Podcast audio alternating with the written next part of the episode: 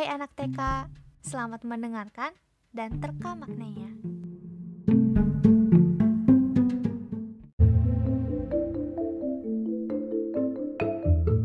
Kan kamu orangnya kayak gitu kali, kok sekarang jadi kayak gini sih? Harusnya kamu tuh kayak gitu, gak boleh tuh kayak gini, pokoknya gak boleh ini gak boleh ini tuh gak boleh, gak boleh, gak boleh, gak boleh, gak boleh, gak boleh, gak boleh.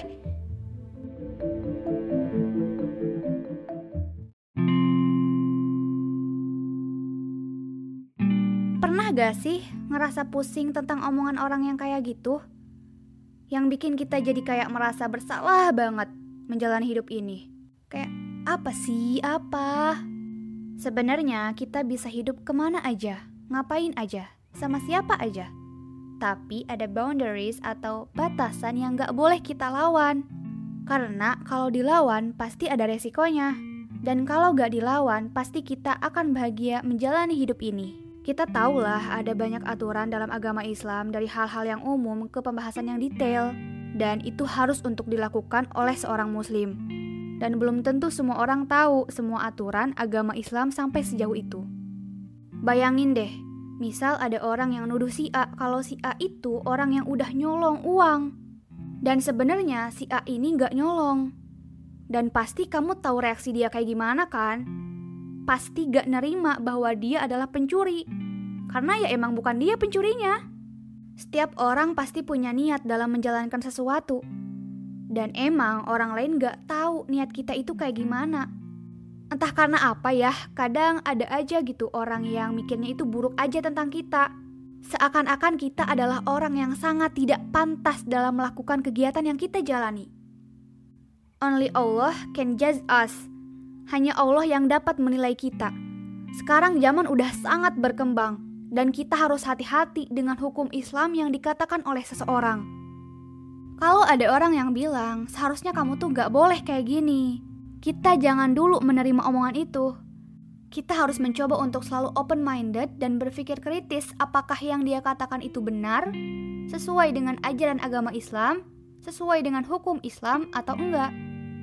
Kalau kita belum tahu, ya udah, kita cari dulu kebenarannya. Dan pas udah tahu kalau itu benar, ya kita terima, sadar, dan menjadikan kita orang yang lebih baik.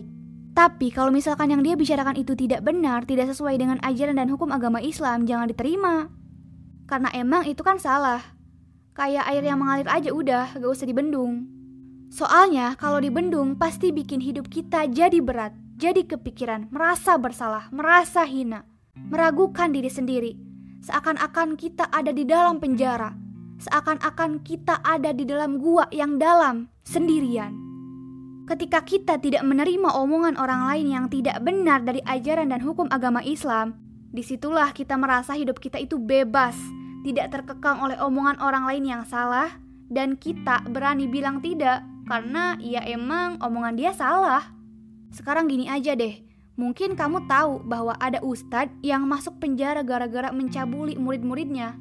Nah kan, jangan nerima dulu mau itu orangnya kayak gimana, jabatannya apa, kita harus hati-hati. Bukan berarti ustadz yang di kasus ini benar.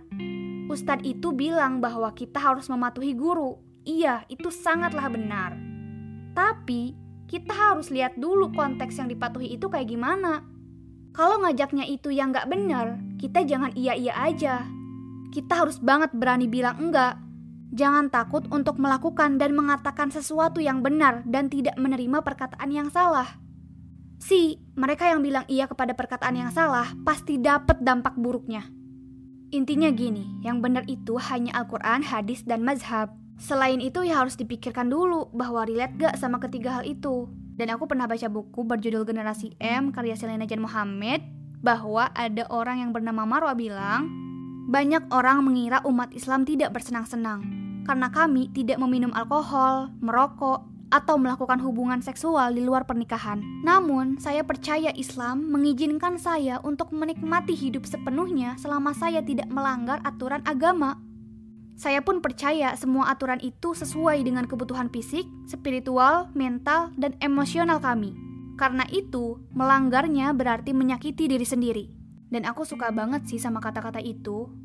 Hidup kita ya hidup kita, apa pun itu selama tidak melanggar aturan agama Islam, ya lakukan aja sobat. Jangan merasa tertekan lah. Ada banyak hal yang menyenangkan dan tidak menyimpang dari agama Islam kok. So, let's make our own journey. Bye-bye! Sampai ketemu di episode selanjutnya.